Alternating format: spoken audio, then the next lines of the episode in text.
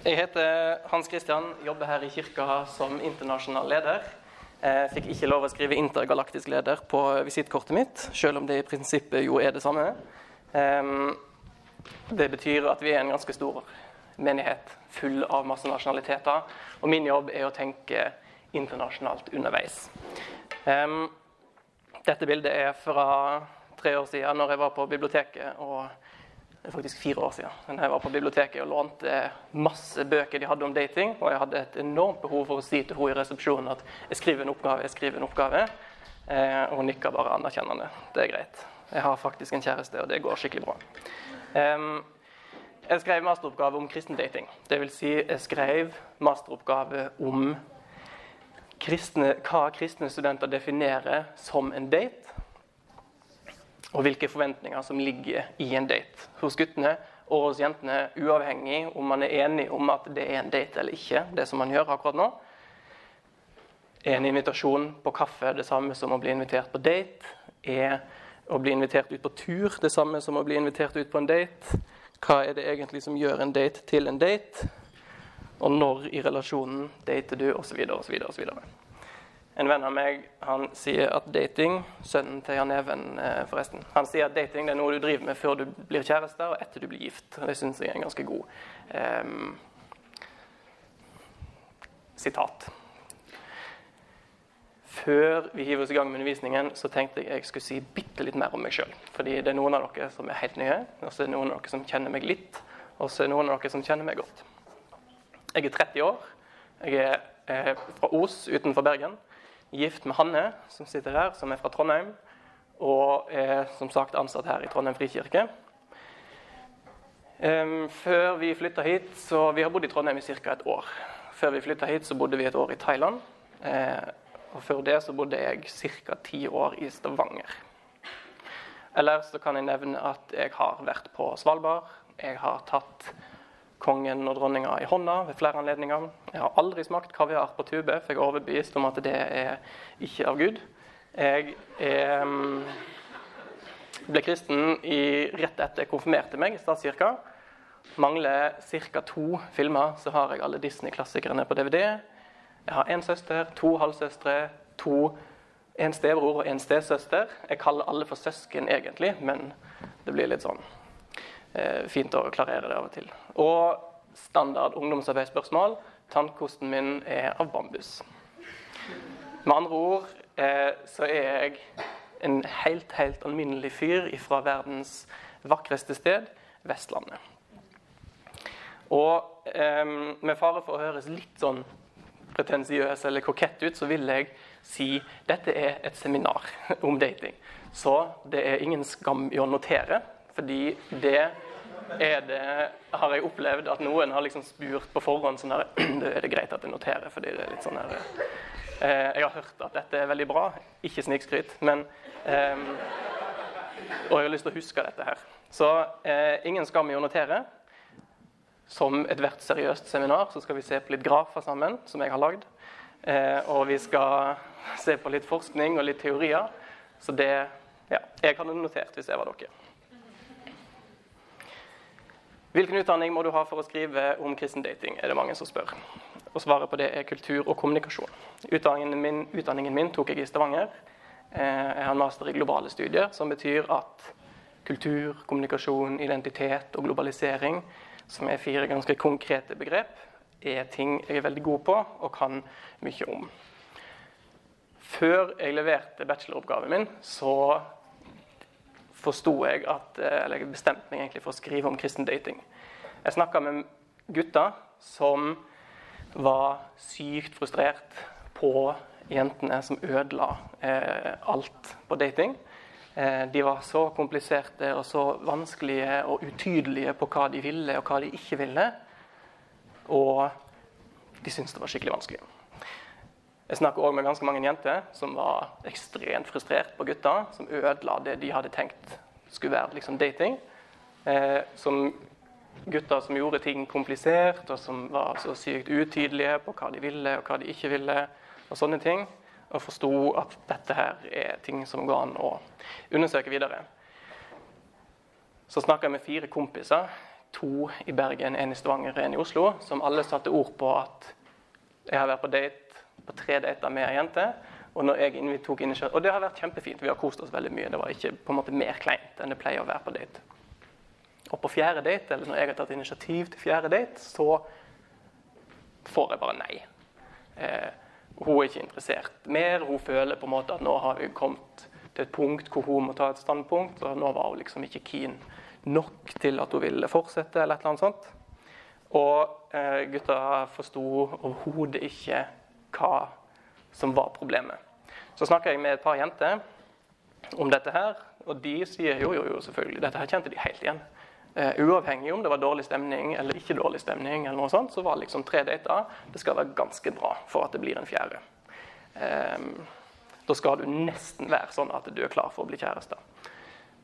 Og uh, tydelig at det, disse to gruppene, kjent som gutter og jenter, ikke har snakka sammen om dette her, eller har liksom en felles regelbok.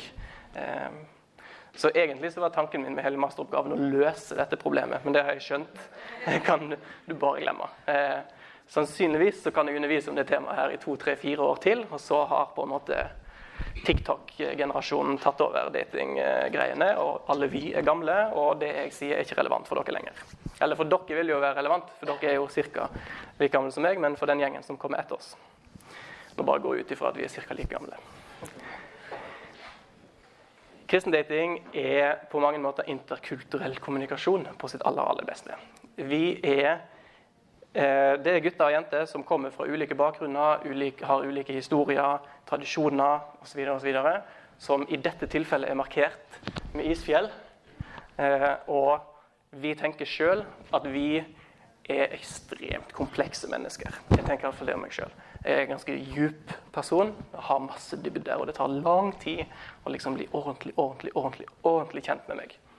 Og så er det fort å tenke at når du møter andre mennesker, så er det lett å forstå seg på dem. Det er lett å plassere andre i en boks. Hvis du har vært på én date eller to dater, så har vi liksom en følelse av hvem den andre er. da.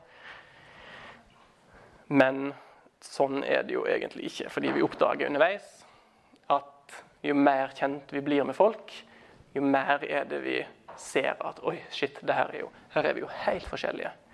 Det er ikke nødvendig å lese alt som står på isfjellet, men um, det er likevel et poeng, da. At kristen dating og dating generelt er egentlig to sånne isfjell som skal finne ut om de, om de passer sammen. Og det, er, det tar mer enn åtte timer, er min påstand, eh, å finne ut av det. Jeg liker å bruke eh, humor da, når jeg har disse seminarene undervisningene. Jeg er veldig glad i å ha en lett og livlig tone. Fordi selv om dating er, kan være et ganske seriøst og alvorlig tema, så er det òg meint å være utrolig gøy. Eh, dating skal være kjekt. Så fører det med seg en del stress og usikkerhet. og liksom, Shit, hva tenkte han om det? Hva tenkte hun om det? Mm -hmm. Oi, nå lo jeg av en vits som kanskje var drøy og, og sånne ting. Men i, i seg sjøl skal dating være moro. Og Derfor ønsker jeg at uh, disse undervisningene òg skal være sånn. Så hvis dere hvis jeg sier noe morsomt, og du er en sånn type som typisk har en litt sånn høy latter, så ikke vær redd for å holde det tilbake. Eller hvis jeg sier noe som dere skjønner er meint å være morsomt, og dere ikke syns det er morsomt, så hjelper det veldig på min selvtillit at dere ler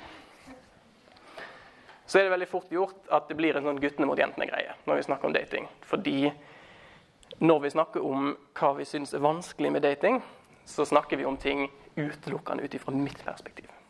Hva er det du syns er utfordrende med dating? Er naturlig nok fokusert på deg. Og eh, det er ikke alltid like konstruktivt når vi skal snakke om problemene med dating, fordi veldig mange av oss vil si at det er alle de andre som er problemet. Hvis alle hadde bare gjort sånn som jeg tenker, og spilt etter mine spilleregler, så hadde det fungert godt. Ofte eh, så ser den diskusjonen sånn ut. Er det et sekstall eller er det et nytall? Man kommer i utgangspunktet ikke så veldig langt med det. Eller er det en G? Nei, har du sett. Eller er det en G? Det handler om perspektiv. Eh, bare så vi vet det. Og jeg kommer til å eh, Siden jeg er gutt, så er det lettere for at dere jenter blir provosert av et eller annet jeg sier når jeg peker på dere og sier her er faktisk dere ganske vanskelige. Eh, det er ikke meningen. Det handler Ikke bli provosert, OK? For nå er vi Det er en sånn greie som dette her. Er det en 6? Er det en 9? Er det en G?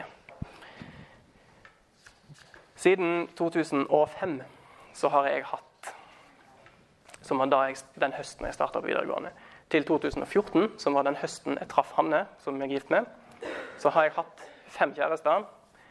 Jeg har data seks jenter der vi begge var enige om at vi data.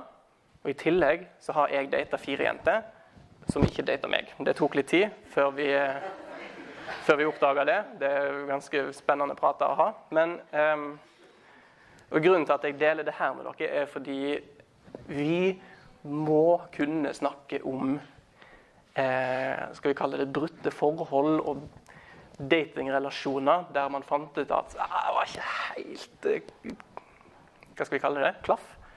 Uten at det blir sånn her Det er dritskummelt å snakke om, eller det er dårlig stemning, eller liksom Du har feila hvis du har vært på date med noen og det ikke fungerte. Vi må eh, kunne snakke om det. Jeg syns ikke eh, Sånn. Jeg legger den der, jeg. Um, i mange kristne settinger så I de fleste menigheter, i studentmiljøet i menighetene, så er de fellesskapene og de miljøene er ofte små, og de er ekstremt skjøre. Som betyr hvis du har vært på date med to-tre gutter eller to-tre jenter i løpet av et år, så er det veldig fort å få stempelet som han eller hun desperate. Eller La oss si Hans Christian har vært på date med tre jenter i løpet av et år, og det funka ikke. Hva i all verden er det så galt med han? Hvorfor funker Når du har vært på date med tre stykker, så må det jo være klaff. Hva i alle dager er det som feiler han? Um, og det blir en sånn utrolig usunn og ganske farlig Jeg vil kalle det baksnakkekultur. Fordi vi skaper um, et miljø hvor du ikke nødvendigvis ikke et sånn du burde skamme deg-miljø, men når vi snakker om mislykka datingrelasjoner på den måten, så skaper vi en illusjon av at man bør skamme seg hvis man har vært på date med en eller to eller tre stykk, og det ikke har funka. Og kultur bygges på to måter. Det er det du aktivt gjør, og så er det det du passivt gjør, som betyr det du tillater. Hvis du lar folk snakke om at Hans Christian var på date med Hanne i desember, og i februar så er han på date med eh, Hanne Margrethe, som sitter her, så blir det på en måte en sånn derre Å, oh, shit, ja, hvorfor er ikke det litt kjapt? Hva skjedde egentlig der? Bla, bla, bla, bla, bla. Hvis du hører sånne ting, så må du si ifra om at det her er ugreit fordi Det er ikke sikkert jeg og Hanne var på date i desember. Det kan være vi planla et eller annet juleball. sant? Man vet ikke alltid. Ok. I tillegg så er jeg eh, 110% sikker på at ingen av de, de eh, brutte forholdene eller relasjonene eller noe sånt har gjort meg til en dårligere kjæreste eller en dårligere ektemann eller dårligere ektemannsmateriale for Hanne. Fordi eh, ja, det er jo for det første det dummeste jeg har hørt. Eh, at man eh, skal tenke sånn. For min del så kan jeg se tilbake på de relasjonene og periodene hvor jeg har vokst ganske mye og blitt veldig mye tryggere på meg sjøl i hva jeg ønsker i et forhold, og i å ikke være redd for å ta plass i et forhold, f.eks. Og mange sånne ting. Og så er det viktig å si at uh, de, de forholdene eller datingrelasjonene ble ikke slutt fordi liksom, jeg var en skikkelig drittsekk eller hun var en skikkelig drittkjerring. Uh, eller vi hadde en stor krangel eller noe sånt. Det handler som oftest om at man ikke passer sammen osv. Noen av de forholdene var det jentene som gjorde slutt. De kunne slå opp eller si 'kult å drikke kaffe med deg, det holder nå'. Enten fordi jeg har liksom alltid tenkt at jeg skulle gifte meg med en fagmann. Jeg utdanna meg innenfor eh, humaniora og samfunnsvitenskap, og tydelig at det ikke ble noen match. Eller jeg har lyst til å ha muligheten til å dra utenlands på et misjonsopphold eller noe sånt i løpet av de neste årene. Jeg kjenner meg kalt til det. Dette er ca. ti år siden, og hun gjorde det faktisk slutt med meg pga. Eh, det argumentet. da. Og eh, det er for de som fulgte med under presentasjonen, så har jeg vært på et utenlandsopphold. Hun har ikke vært på noe, med unntak av liksom sydenturer. litt sånt. Og det her sier jeg ikke fordi liksom, jeg er bitter eller en sånn ha-ha, jeg vant-greie, men fordi vi forandrer oss. Som jeg tror hun var 19 på det tidspunktet jeg var 20. Eh, vi forandrer oss. Det er ganske mye du tenker som 19-åring som du som 29-åring er ikke like viktig nå lenger. På det tidspunktet så ville hun utenlands nå med en gang. Eh, og jeg sa jeg vil vente til jeg er ferdig å utdanne meg, i alle fall før jeg eventuelt har et år i utlandet. Jeg orker ikke å pause utdanningen min. Så da gjorde hun det slutt. Jeg har blitt slått opp med eller avvist på fjerde date eller tredje date fordi jeg er for snill, fordi jeg er for lite badboy, fordi jeg er for mye badboy, fordi jeg er for rar, som alle vet oversettes til jeg syns ikke det er kleint å si at jeg syns Sissel Kyrkjebø synger fint, eller at jeg liker Dr. Who, eller eh, masse ting som eh, ikke alltid er populær kultur. da. Men eh, som for andre er grunn til å slå opp. Eller jeg føler liksom ikke at jeg er forelska, eller de følelsene jeg har for deg, er ikke nok. Og sånn er det. Til gjengjeld så har jeg slått opp med jenter eller sagt 'kult å drikke kaffe', men jeg tror det holder nå. Fordi de var dritkjedelige å være med og snakke med. Um, og det betyr, hvis jeg spurte om Jeg er samfunnsviter, så hvis jeg vil snakke om globalisering eller politikk, eller liksom hva tenker du om EU, hva tenker du om Nordisk råd, og de ikke har noe interesse eller peiling, eh, da er det begrensa hvor mye Nå snakker ikke jeg og Hanne så mye om EU, det er ikke poenget mitt, men um, det var liksom, Vi hadde veldig få ting da, som vi kunne snakke om som, var, som de hadde meninger om. De var usikre på seg sjøl. Der skal jeg sette en parentes. Hvis dere gutter treffer jenter hvor det er tydelig at de er usikre på seg sjøl, så løp alt dere kan i motsatt retning. Og Det gjelder for dere jenter òg. Hvis dere treffer gutter som er tydelig usikre på seg sjøl, ikke finn på å begynne å date den personen. Fordi det å gå inn i et forhold når du sjøl holder litt på å finne ut hvem du er, er i utgangspunktet ikke en god ting.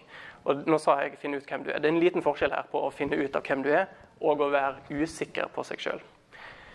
Hvis du er usikker på deg sjøl, så kan det fort være at du søker anerkjennelse i den personen du dater med, og det er et ekstremt dårlig utgangspunkt for et forhold. De ender ofte opp dette gjelder både gutter og jenter.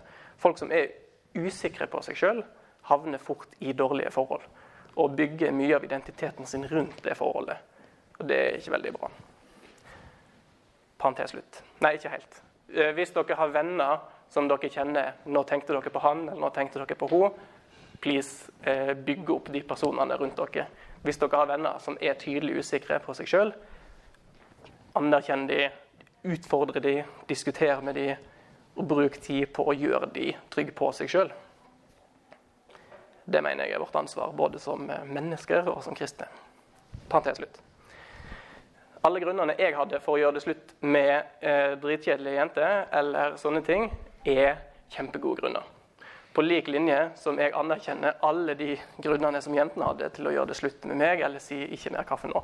Eh, det er liksom prisen vi betaler for å, å, å, leve her. Hvis jeg skal si at det er greit å slå opp med ei jente, eller si det holder nå eh, fordi hun er for kjedelig, eller fordi hun ikke har noen ambisjoner, hva, hva, hva, vil du om fem år? Nei, jeg har ikke peiling. Det kan være jeg har skifta studie, det kan være jeg har gjort altså, masse opplegg. Um, jeg synes det er greit å gjøre det slutt med folk fra mitt ståsted på de, på de grunnene. Og jeg syns òg alt det som de mente her, helt innafor. Det må nesten være sånn. Da har jeg utlevert mitt eh, kjærlighetsrulleblad til dere, og vi kan sette i gang med selve undervisningen. Det blir veldig lite life hacks til dating i dette her. Um, det kan jeg si med en gang. Men når vi er ferdig, så har jeg en tanke og et håp om at dere skal oppleve å være litt mer selvsikre i møte med uh, dette mystiske greiene som er dating. Fordi dere vet litt mer om hva mekanismer som ligger bak dere sjøl og folk i en datingsituasjon, og dere vil være litt mer selvbevisst og fått eh, kanskje en del forklaringer på hvorfor dating kan oppleves så vanskelig. Noen av dere vil kanskje sitte igjen med en følelse av at åh, megadigg å høre at jeg gjør det rett, og at alle andre er de som er skikkelig vanskelige. Mens andre kanskje vil tenke oi shit, jeg er faktisk en helt sentral del av problemet. Det får vi se. Ok, Fakta nummer én. Vi begynner rett på. Jenter er mer kresne enn gutter. Dette er noe som viser seg gang på gang på gang på gang i alle studier som er gjort. Både i forskning av psykologer og sosiologer på hvordan eh, Siste parentes. Jeg blander veldig mye mellom kvinner og jenter og damer og menn og gutter. Ikke tenk så mye på det hvis dere er sånne som henger dere opp i at jeg sier det. Jeg prøver å passe på å bruke gutter og jenter og menn og kvinner i så fall. Men uansett. Jenter er mer kresne enn gutter. I forskning som er gjort av både psykologer og sosiologer, og alt mulig, så ser man det gang på gang at jenter er mye mer kresne. Men det gjelder òg den forskningen og statistikken som datingsider og datingapper fører. Til dere som ikke har erfaring med datingsider, så fungerer det sånn at du eh, Først så svarer du på et kjempelangt spørreskjema på kanskje 100 spørsmål om hvem du er. Der legger du inn eh, dine preferanser og hva du liksom ser etter i drømmemannen eller drømmekvinnen. I tillegg til at du legger inn litt eh, høyde og vekt og litt sånne ting. Fysiske attributter. Og så sammenligna med et langt og grundig spørreskjema som andre svarer på, så får du en match med de andre på datingnettstedet. Typisk fra 1 til 100% eller 1 til 100 hjerter. Hvor like dere liksom er, og hvor sannsynlig det er at dere får en god match. I tillegg til å legge inn ulike preferanser, så kan du òg gi de ulike preferansene prioritering. Spørsmålet hvor viktig er dette for deg? står som oftest bak mange av spørsmålene som du blir stilt. Da kan du typisk velge irrelevant, ikke viktig, nøytralt, viktig eller veldig viktig. Og det datingnettsidene ser, er at kvinner vesentlig oftere trykker 'veldig viktig' på sine preferanser sammenlignet med menn. Ting som høyde, hva han arbeider med, liker han å gå tur, ønsker han barn, ønsker han dyr, i så fall hvilke dyr, hvor ofte trener han, øyefarge, hvor impulsiv er han, religion, dialekt, kosthold, alt mulig kan du bli spurt om. Og det som er typisk, da, er at damer fyller ut Jeg vil ha en som har mørkt hår, som trener jevnlig, men trenger ikke trene mer enn tre ganger i uka. Han liker barn og ønsker å stifte familie i løpet av de neste ti årene, men dette skal ikke være noe han pusher meg på. Og han skal gjerne være mellom 1,78 og 1,85 høy. Og alt det er kjempeviktig. Det gjør at menn som kanskje stemmer på alle andre ting, men som er 1,77 høy, får en kjempelav score. Fordi du har sagt at høyde er kjempeviktig. Og da er utgangspunktet spørsmålet mitt Nei, og Da er det typisk veldig mange jenter som reagerer med ja, men skal, fortjener ikke vi det beste. da? Skal vi liksom ikke være eh, kritiske? Skal ikke vi stille litt krav når det er snakk om drømmemannen? Typisk forsvarsposisjon. Noen kjenner seg igjen. Og til det svarer jo, vær kritisk, still krav, men på de rette tingene er det verdensundergang om man er 1,77 eller 1,76. Sannsynligvis ikke. Når gutter og menn fyller ut, kan de òg velge alle disse tingene. Og Det som er typisk når vi skal velge hårfarge på drømmekvinnen, så krysser vi av på alt sammen. Hvor viktig er dette for deg? Sjeldent veldig viktig. Jeg kjenner ingen gutter som er eldre enn 15 som tenker liksom 'Jeg må gifte meg med meg som har rødt hår'. Det er i utgangspunktet noe du tenker på når du går eh, mellom 8 og 15 år gammel. Da er liksom hårfarge veldig viktig. Eh, og Det handler som oftest om at det er ei i klassen som er veldig fin, og hun har typisk blondt hår. sant? Og da tenker du da er blondt hår greia. Det som går igjen hos gutter, som, som de ser etter hos jenter, er følgende. Ærlighet, autentisitet, kan òg bety ektehet. Positivitet, interesser gutter liker jenter som har hobbyer eller som har interesse. Og det har ingenting å si om det er liksom hesteriding, scrapbooking, eh, fotografering eller eh, hva som helst, nesten.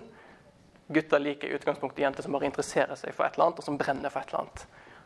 I tillegg så liker de jenter som viser initiativ, og det betyr ikke at du er den som er mest på alltid. At du er den som inviterer på første date, at du er den som liksom tar veldig ansvar. Men kanskje den som tar initiativ til å legge til på Snap først, f.eks. Eller noe sånt.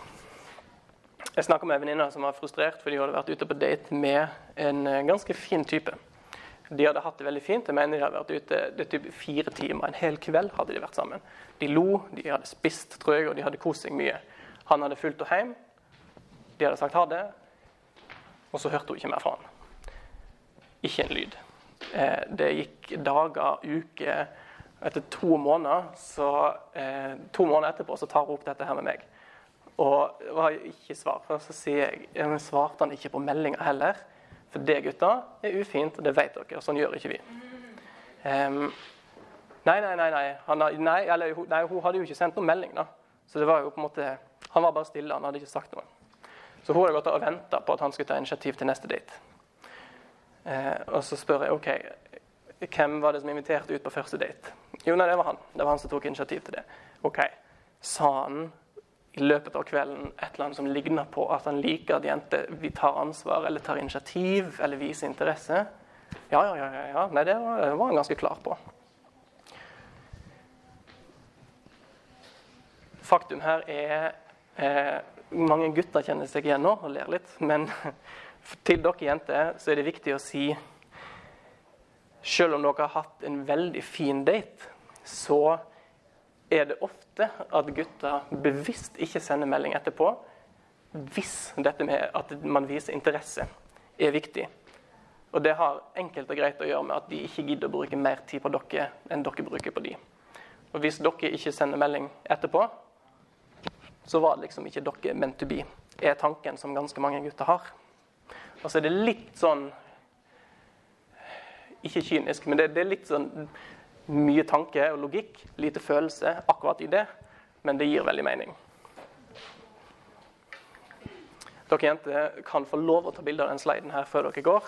Før vi går videre, mener jeg. Eh, hvis dere vil. Det er egentlig, dette her går igjen eh, når Elite Singles, som er en av verdens største datingnettsider, spør gutta hva ser dere etter, så er det disse tingene som kommer opp i 9,5 av 10 tilfeller. Dette her går alltid igjen. Så hvis dere skal imponere gutter, så er det ganske enkelt, vil noen si. OK, jenter er mer kresne enn gutter. Det er fakta. Men det er en måte å omgå dette problemet på.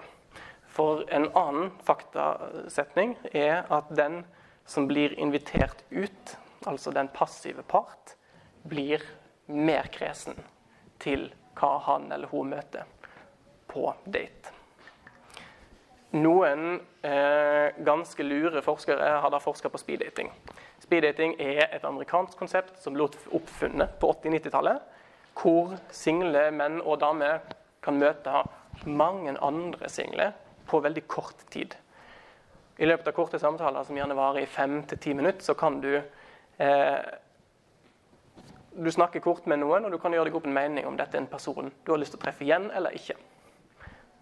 Og etter dette ja, så sier du i så fall fra til en slags ordstyrer. Og her er damer selvfølgelig mye mer selektive enn menn, som dere vet fra forrige skal vi kalle det kapittel. Eh, det går igjen her òg. Mye mye sjeldnere enn menn så sier damer ja takk til neste date enn det menn gjør. Og Så kommer forskerne på banen og ser at i speeddating for det er forska ganske mye på speeddating, så ser de at all den forskningen som noensinne er gjort på speeddating, så er det damene som sitter i ro, og mennene som roterer rundt. Så tenker de eh, OK, vi prøver å gjøre dette annerledes. Det som skjer da, er jo at mennene får rollen ja, jeg skal si det først, mennene får rollen som den aktive part, altså den som går rundt og som oftest sier hei først og hilser. Og damene de sitter og venter på friere på besøk. Dette valgte da disse forskerne Eli Finkel, som er en utrolig god ekteskapsforsker i USA å endre på. Så de snudde om på dette her. De tok en stor forskningsgruppe på nesten 500 mennesker, eh, hvor i alle gode forskningsprosjekt den ene halvdelen gjorde det vanlig, og den andre halvdelen der var det damene som roterte, og mennene som satt i ro. Og det de så, var Ja, og, det de, og etter hvert møte samme, sant, du skal si Ønsker jeg å treffe vedkommende igjen? Og I tillegg så skulle du gi en score på fra én til fem. Hvor god selvtillit opplevde du under daten? Hvor tiltrukket ble du av den andre? Og hvor god kjemi følte du å ha? Og det som skjer er at Uavhengig av om det var menn eller kvinner som roterte, så er det da den som er aktiv, som scorer definitivt høyest på alle disse scorene. Alle studier som før er blitt gjort, ble snudd på hodet. Fordi de så at plutselig så var menn kjempekritiske. Menn ville ikke treffe mange av jentene igjen, eller damene igjen. De opplevde mye lavere kjemi, mye dårligere selvtillit osv. Og, så videre, og, så og i de gruppene samme gruppa. Når, på damene sine så opplevde de kjempegod kjemi. Og de ville treffe veldig mange igjen og syntes dette her var veldig spennende og kjempesjøltillit. Og som da eh, forskning.no eh, skriver det, så kan kvinner bli like ukritiske som menn når de er den aktive part i et sjekkefremstøt. Kjønnsforskjellene utvider seg, utjevner seg, heter det. Med andre ord så opplever den aktive part alltid økt kjemi, økt tiltrekking, økt selvtillit enn den passive. Og grunnen til at det alltid var damene som satt i ro, har å gjøre med at når de begynte med speeddating på 80-tallet, så var det dårlig vær den dagen. Og når damene da kom, så hadde de selvfølgelig på seg, i tillegg til jakke og hansker og skjerf og paraply, så hadde de òg veske osv. Men de hadde som oftest på seg en regnjakke, og så hadde de mobilen og lommeboka i innerlomma. Ikke mobilen, for det var 80-tallet. Eh, og da var det mye enklere for mennene å bare liksom rotere rundt, for de hadde ikke så mye dill. Og da hadde det bare blitt gjort sånn i ettertid. OK. En liten oppsummering, da. I utgangspunktet så er jenter mer kresen enn gutter. Og vi vet at den som blir invitert ut, opplever dårligere kjemi og blir mer kresen. Nå har jeg sagt at det blir ikke noe life hacks eller noen voldsomme snarveier til god dating her, men dette er et regnestykke som gir seg sjøl, egentlig. Mange av dere jenter kan velge om dere vil forsterke denne her naturlige kresenheten eller ikke, ved å ta mer initiativ. Likestilling på date. Um, hvem har ansvar for å invitere på første date, skal det egentlig stå. Jeg har glemt å skrive det i, i powerpointen. I 2015 eh, så gjorde Elite Singles en undersøkelse i Skandinavia hvor de spurte 1200 single noen spørsmål, og et av dem var hvem har ansvaret for å invitere på første date. Og Når man ser på hva mennene har svart, så ser man at 66% av mennene mener det at det er vi som skal invitere. Det er vårt ansvar som menn. Og så er det bare en tredjedel som mener at det er kvinnens ansvar. I Skandinavia, likestillingens mekka, så har tydeligvis ikke likestillingen kommet helt eh, sånn som den skal. For det burde jo vært egentlig enten 50-50, eller så burde det vært 0% på kjønn. Og uavhengig av om du er mann eller dame, så er det du som har ansvar for å invitere hvis du er keen.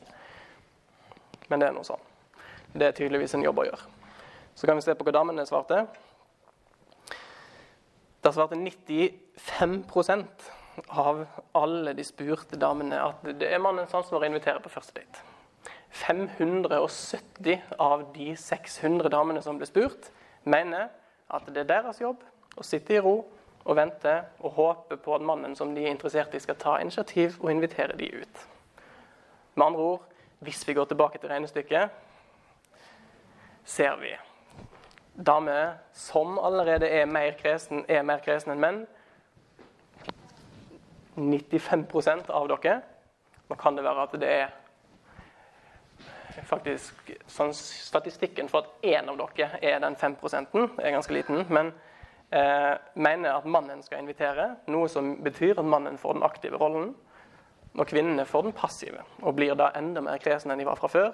Mens mennene, som i utgangspunktet er ukritisk, får den selvtillitsboosten med å bli da den aktive part i, i eh, denne datinggreia her. Snakk om å skape et tungvintssystem. Og dere som sitter her, er alle en del av dette her systemet. Og som jeg sa i stad med kultur, så kan dere enten gjøre noe med det, eller ikke gjøre noe med det med å bare tenke at det løser seg. Men um, her er det faktisk dere jenter som sitter på den største muligheten for endring. Hvis dere, I utgangspunktet nå så er jo regnestykket her. At, uh, jeg skjønner ikke helt hva som er opp og ned her nå, men uh, jenter kjempekritiske, gutter veldig ukritiske. Den kan balanseres ut med at dere tar Hvis dere tar initiativ til date Ca. en tredjedel av alle norske menn mener jo at det går helt fint. Så de vil ikke bli redd for det. I Sverige så mener faktisk over halvparten av alle mennene at det er dama sitt ansvar å ta initiativ. Eh, så det er ikke særlig skummelt i Skandinavia. Og på mange måter så kunne jeg liksom avslutta hele undervisningen her og sagt det regnestykket er grunnen til at dating er så ekstremt vanskelig, eller oppleves vanskelig, for det er vanskelig å gjøre noe med det, med mindre dere damer vil ta mer initiativ. Men vi eh, har litt til, så vi skal ikke gi oss helt ennå. Fordi vi må snakke om vennskap. Et godt fundament. Dette var det, eneste bildet, eller det mest relevante bildet jeg fikk når jeg søkte opp fundament, så jeg brukte det. Hvor mange av dere hvis vi tar en håndsopprekning, er enig i at vennskap er et godt fundament for et godt forhold? Veldig bra. Veldig bra. Jeg tror faktisk det var alle. Um, I min egen forskning og den forskningen som er gjort på dette her, altså på dating blant kristne, så er gutter og jenter kjempetydelige på dette her. Vennskap er kjempeviktig. Det er til en viss grad avgjørende for om man skal ha et godt forhold eller ikke. Både gutter og jenter er opptatt av dette her, men det er bitte litt viktigere for menn enn det er for damer. Det er helt uaktuelt å bli kjæreste med noen hvis ikke vi har et godt vennskap som fundament. Og da kommer vi hit. Til friendzone. Dere som tar referansen, dere tar han. Dere som ikke tar han, det er helt greit. Eh, friendzone er en ekte greie. Det er en ekte plass, det er en ekte tilstand eller diagnose, eller hva du vil kalle det. Dette er noe psykologer har skrevet masse om. Pastorer har skrevet nesten like mye som psykologer har gjort om dette temaet. Ekteskapsrådgivere Det er utallige bøker om dette. her, og Det er laget filmer om friendzone i alle perspektiv og opplevelser. og Det er så mye. Og du finner det òg i useriøse ordbøker, men òg i mer seriøse ordbøker, som Oxford Dictionary. De definerer friendzone som en situasjon der et vennskap eksisterer mellom to mennesker hvor den ene har ugjengjeldt romantisk eller seksuell interesse i den andre. Ryan Reynolds, som for mange er kjent som antihelten Deadpool, eller fra ulike tenårings-college-komedier, sier at friendzone er et sted hvor jenter plasserer gutter når de har bestemt seg for at de bare er venner, og ikke lenger datingmateriale. Havner du her, forandres du til en fullstendig uinteressant skapning i deres øyne og behandles likt som et søsken eller en lampe.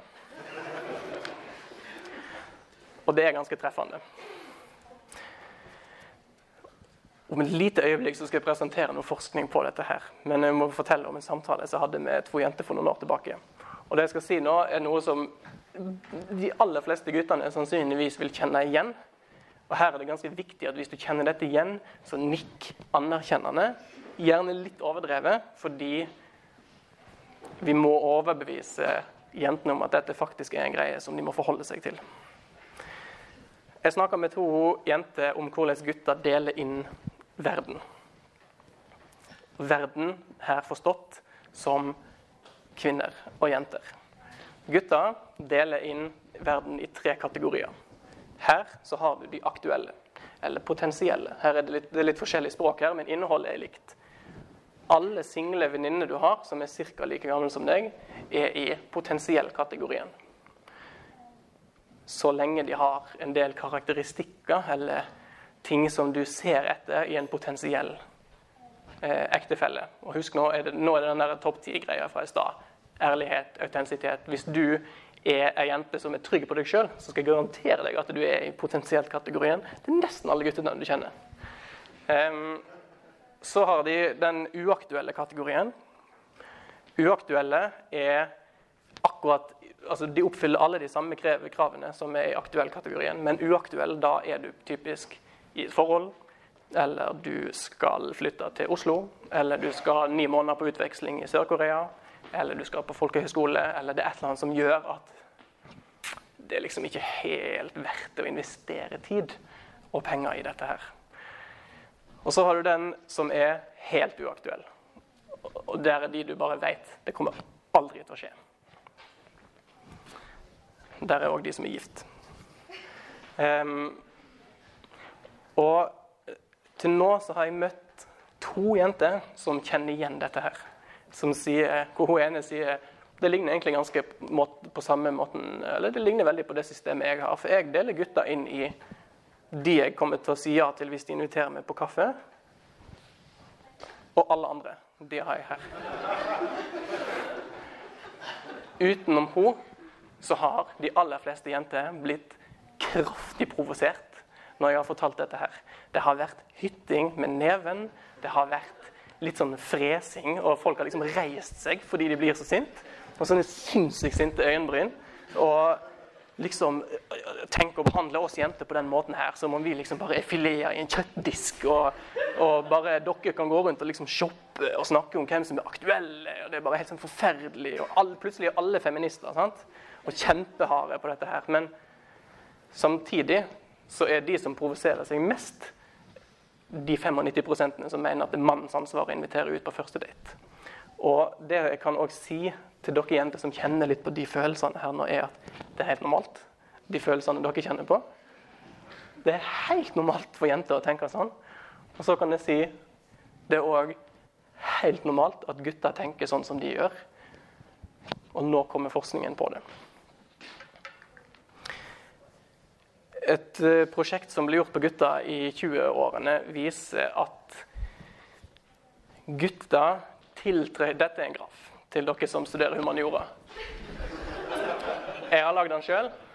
Jeg, jeg, husker ikke hva som liksom er X og Y her, men dere skjønner på en måte dere skjønner at tid går den veien, og grad av tiltrekning fra minus 10 til 10 det går opp og ned her.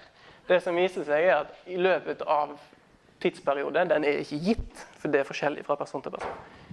Over tid så blir gutter mer tiltrukket av sine jentevenner etter hvert som de blir mer kjent med dem. Og det handler i utgangspunktet om at man oppdager flere ting ved den personen som man syns er bra. Og Legg merke til at den stopper rett under fem. For poenget her er ikke at gutter går rundt og er dritforelska i alle jentevennene sine som de har kjent i et år eller lenger. Det er ikke det det handler om. Dette handler mer om på en måte eh, Dette har jeg, kan jeg eh, ok, Hvis dette blir mellom oss da, og dere som hører på podkast Det handler i utgangspunktet om om du havner på topp 10-lista, og hvor høyt på topp 10-lista du havner eller ikke. Hvis du spør gutta Dere jenter kan jo ikke gjøre det, for de kommer aldri til å si det om de har en topp fem, så har de helt sannsynligvis det. Eh, men ikke spør. Og gutter tror òg at jenter tenker helt likt som seg sjøl, sånn som vi ofte gjør som mennesker. Gutter tror at jenter òg Selvfølgelig blir man mer tiltrukket av vennene sine etter hvert. Det gir jo kjempemening, for du blir jo bedre kjent med dem. Du oppdager på en måte at vi har lik humor, og du er jo venner. Mens med jenter så skjer det som oftest ikke. Det er en bitte liten periode hvor det går bitte litt opp, og så går det rett ned. Dette er ikke liksom, dette har Hans Christian funnet på ut ifra de fem samtalene han har hatt. Dette er eh, forskning som er gjort på hundrevis av studenter. Eh, det som viser seg, er at i løpet av en viss periode så blir jentene helt uinteressert i gutter. Og dette er det nærmeste vi kommer en slags forklaring på friendzone. Som, eh, der du har eh, friendzone eh, believers og friendzone realister, som de kaller seg sjøl. Men jenter tenker òg at etter hvert som vi blir bedre kjent, så er det jo selvfølgelig at gutta ikke blir interessert i oss, fordi vi er jo venner. Og Ja, jeg vet ikke. Eh, For mange jenter så blir det et kjempesjokk hvis de blir invitert ut av en som er i vennegjengen. Det kommer som lyn fra klar himmel, og de blir helt satt ut. What? Hæ? Æsj, nei, tenker han sånn om meg? Hva er greia med det? Og så, og så låser tannhjulene seg, og så går du rett i en sånn der hashtag 'bevar vennskapet'-greie, og så sier du nei. Fordi jeg vil ikke ødelegge det vennskapet som vi har. Og de fleste gutter sitter der og skjønner da overhodet ingenting, fordi vi har jo et kjempefundament for dette her. Vi kjenner hverandre godt, vi har lik humor, vi ler av de samme halvdrøye vitsene. Vi begge liker å gå tur. Altså Gutter har som oftest 10 000 grunner til å be deg ut. Og hvis de ber deg ut, så har de sannsynligvis tenkt på det i 3-4-5-6 måneder. Og når det endelig skjer, og de liksom tenker ok, dette her må bli bra, så får de bare en sånn derre Nei! Uaktuelt! Og så skjønner de ingenting. Da jeg skrev masteroppgaven min, så intervjua jeg en god del kristne studenter om dating. Og jeg snakka med ei om dette her med vennskap og dating og sånn. Og hun eh, For henne så var det kjempeviktig med vennskap. Vennskap måtte være et fundament. Eh, hvis ikke så var det på en måte Nei, det var uansvarlig. Og så snakka vi litt videre, og så ti minutter etterpå så eh, spør jeg om hva, hvordan hun hadde reagert hvis noen av guttene i menigheten som hun kjente da, hadde invitert henne ut. Hun reagerer sånn som de fleste jenter gjorde. Nei, nei, nei, nei, tvert. Helt uaktuelt. Må ikke finne på det engang. Ikke gjør det. Ikke inviter meg ut. Og hvis de hadde gjort det, så hadde jeg sagt nei. Og så spør jeg ok, hvorfor det, hva er greia? Eller liksom, det er jo et intervju, så du må på en måte ikke eh, legge noen føringer. Men så jeg spør ja, nei, ok, hva er greia da? Og nå siterer jeg ifra det intervjuet. Nei, de er jo vennene mine. Jeg kan jo ikke date de. Nå er jeg her borte. OK, hvorfor kan du ikke date de? Nei, fordi med venner så ser du jo etter helt andre ting enn det du gjør når du ser etter kjærester eller ektefeller. Sitat slutt. Og eh, de av dere som hører at dette ikke henger på greip, kan forklare til de andre hvorfor de ikke henger på greip etterpå. Og Her skal jeg heller ikke komme liksom med noen tips eller life hacks, eller et eller annet sånt, men jeg skal heller si jenter, nå har dere lært hvordan de aller fleste gutter fungerer. Og dere har lært at det er helt normalt for gutter å fungere på den måten. Og dere har lært at de fungerer ganske ulikt fra dere.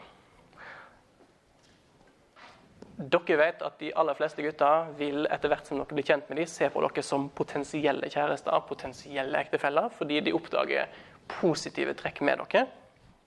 Og det kan være de inviterer dere ut på kaffe eller tur, eller til og med på date.